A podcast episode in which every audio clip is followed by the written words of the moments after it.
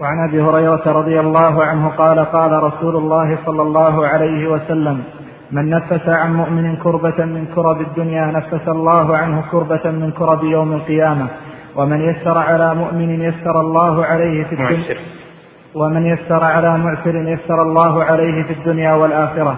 ومن ستر مؤمنا ستره الله في الدنيا والآخرة. والله في عون العبد ما كان العبد في عون أخيه. ومن سلك طريقا يلتمس فيه علما سهل الله له به طريقا إلى الجنة. وما اجتمع قوم في بيت من بيوت الله يتلون كتاب الله ويتدارسونه بينهم إلا نزلت عليهم السكينة وحفتهم وغشيتهم الرحمة وحفتهم الملائكة وذكرهم الله في من عنده. ومن بطأ به عمله لم يسرع به نسبه رواه مسلم. قال عليه الصلاة والسلام من نفس عن مؤمن كربة من كرب الدنيا نفس الله عنه كربة من كرب يوم القيامة. الكربة ما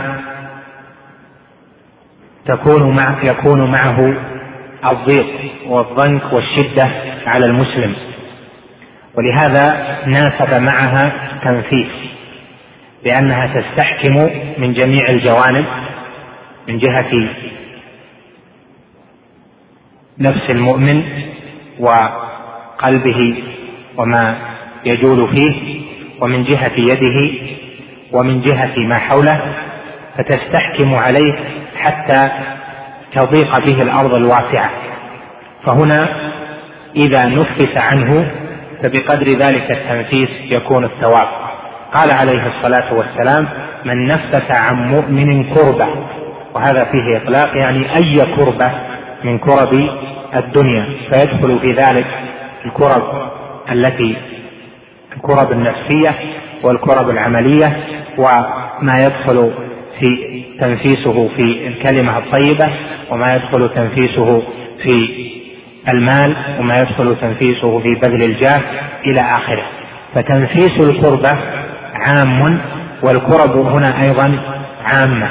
فمن نفس عن مؤمن كربة بأن يسر له السبيل إلى التخلص منها أو خفف عليه من وطأة الكربة والشدة والضيق الذي أصابه كان جزاؤه عند الله جل وعلا من جنس عمله لكن في يوم هو أحوج إلى هذا التنفيذ من الدنيا.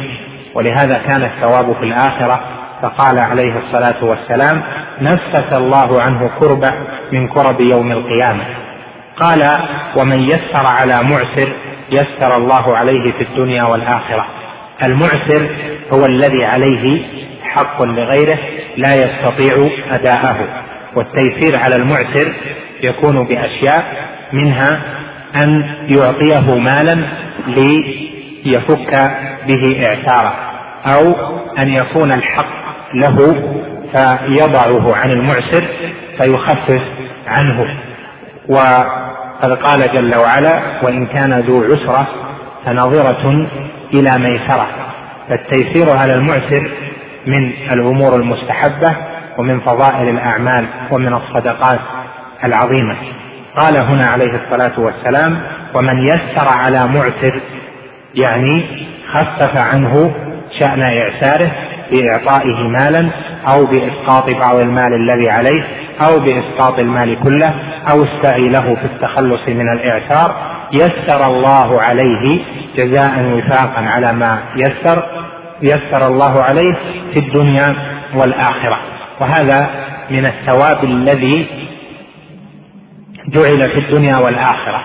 فلا بأس من أن يقصده المسلم في أن ييسر على إخوانه رغبة فيما عند الله جل وعلا ورغبة في أن ييسر عليه في الدنيا والآخرة. لأن هذا كما ذكرنا في شرح حديث إنما الأعمال بالنيات لا ينافي الإخلاص فإن العمل إذا رتب عليه الثواب في الدنيا أو في الدنيا والآخرة وجاءت الشريعة بذلك فإن قصده مع ابتغاء وجه الله جل وعلا والإخلاص له لا حرج فيه. قال ومن ستر مسلما ستره الله في الدنيا والآخرة. من ستر مسلما مسلم هنا أيضا تعم جميع المسلمين سواء أكانوا مطيعين صالحين أم كانوا فسقة فإن الستر على المسلم من فضائل الأعمال بل جعله طائفة من أهل العلم واجبا فإن المسلم الذي ليس له ولاية في الأمر بالمعروف والنهي عن المنكر يجب عليه أن يستر أخاه المسلم أو يتأكد عليه أن يستر فإذا علم منه معصية كتمها وإذا علم منه قبيحا كتمه وسعى في مناصحته وإخلاص وتخليصه منه.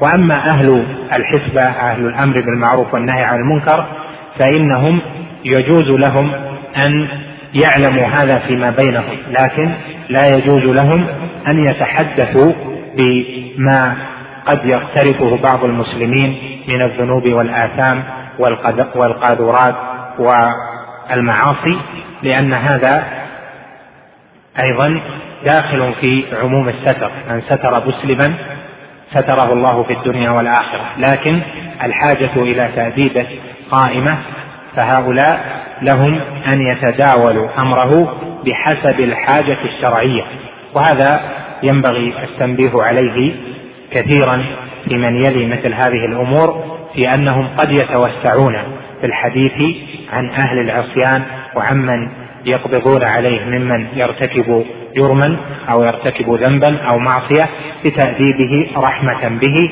فمثل هؤلاء ينبغي لهم أن يكتبوا القضايا التي يتداولونها فيما بينهم والا يذكروا شيئا منها إلا لمحتاج إلى ذلك الحاجة الشرعية. قال عليه الصلاة والسلام والله في عون العبد ما كان العبد في عون أخيه. هذا فيه حث على أن يعين المرء أخاه بأعظم حث حيث جعل أن العبد إذا أعان أخاه فإن الله في عونه. فإذا كنت في حاجة أخيك كان الله في حاجته. وإذا اعنت إخوانك المسلمين واحتجت إلى الإعانة فإن الله يعينك وهذا من أعظم الفضل والثواب قال ومن سلك طريقا يلتمس فيه علما سهل الله له به طريقا إلى الجنة. وهذا فيه الحث والترغيب على سلوك طريق العلم والرغب فيه. فأي طريق من طرق العلم سلكته فإن الله جل وعلا يسهل لك به طريقا إلى الجنة مع بشرط إخلاصك في طلب العلم لأن العلم باب من أبواب الجنة والجنة لا تصلح إلا لمن علم حق الله جل وعلا فمن طلب العلم ورغب فيه مخلصا لله جل وعلا سهل الله له به طريقا إلى الجنة. قال وما اجتمع قوم في بيت من بيوت الله يتلون كتاب الله ويتدارسونه بينهم إلا نزلت عليهم السكينة الحديث. قوله وما اجتمع قوم استدل به على أن هذا لا يخص به قوم من قوم فيصلح أن يكون هؤلاء المجتمعون من العلماء أو من طلبة العلم أو من العامة أو من العباد أو من غيرهم فالمساجد تصلح للاجتماع فيها لتلاوه كتاب الله ولتدارسه.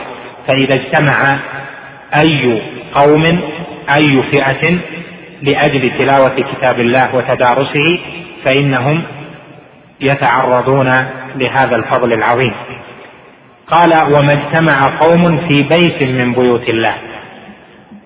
والمراد بذلك المسجد وهو والمسجد بيت الله إضافة تشريف للمسجد لأنه بيت يطلب فيه رضا الله جل جلاله. قال يتلون كتاب الله هذا حال أولئك يتلون كتاب الله والمقصود بذلك أن يتلو واحد منهم والبقية يسمعون كما كان عليه هدي السلف. أما التلاوة الجماعية فهي محدثة ولا تقر وإنما الذي كان عليه عمل الصحابة فما بعدهم أنهم يجعلون قارئا يقرأ القرآن ثم يستمع البقية وقد يتناوبون القراءة فيما بينهم ويتدارسون كلام الله جل وعلا. قال إلا نزلت عليهم السكينة والسكينة هذه هي الطمأنينة والروح والرحمة التي تكون من الله جل وعلا. نزلت عليهم السكينة نفهم من ذلك أنها من عند الله جل وعلا لأنه قال نزلت عليهم السكينة وهذا فيه تعظيم لها. قال وغشيتهم الرحمة وقوله غشيتهم غشيتهم غشيتهم الرحمة هذا فيه أن الرحمة صارت لهم غشاء يعني أنها اكتنفت هؤلاء من جميع جهاتهم فلا يتسلط عليهم شيطان يعني وهم على تلك الحال. بل الرحمة اكتنفتهم من جميع الجهات فصارت عليهم كالغشاء. وهذا من فضل من فضل الله العظيم عليهم حيث تعرضوا للرحمة فصارت غشاء عليهم لا ينفذ إليهم غيرها. قال وحفتهم الملائكة. وأيضا كلمة حفتهم الملائكة يعني أحدقت بهم بتراص حيث لا ينفذ إليهم من الخارج. وهذا كما قال جل وعلا وترى الملائكة حافين من حول العرش يسبحون بحمد ربهم. فحف الملائكة بالشيء يعني بالعرش أو بهؤلاء الذين يتلون يعني أنهم أحدقوا بهم من جميع الجهات وتراصوا بحيث كانوا حافين بهم. وهذا يدل على أن هؤلاء تعرضوا لفضل عظيم لا يتسلط عليهم وهم إذ ذاك شيطان إلا ما كان من هوى أنفسهم والقرين. قال وذكرهم الله في من عنده. والذكر هنا معناه الثناء يعني أثنى الله عليهم في من عنده ومن عنده هم الملائكة المقربون. كما قال جل وعلا لن يستنكف المسيح أن يكون عبدا لله ولا الملائكة المقربون. فالملائكة المقربون هم الذين عند الله جل وعلا والذين عند ربك لا يستكبرون عن عبادته ولا يستحسرون. وقال بعده ومن بطأ به عمله لم يسرع به نسبه فيه أن التفاخر بالأنساب والظن أنه لأجل النسب يكون المرء محبوبا عند الله جل وعلا. هذا جاءت الشريعة بإبطاله والأمر على التقوى والعمل. إنا خلقناكم من ذكر وأنثى وجعلناكم شعوبا وقبائل لتعارفوا إن أكرمكم عند الله أتقاكم. فالتقوى هي مدار التفضيل ومدار التفاضل بين الناس. نعم.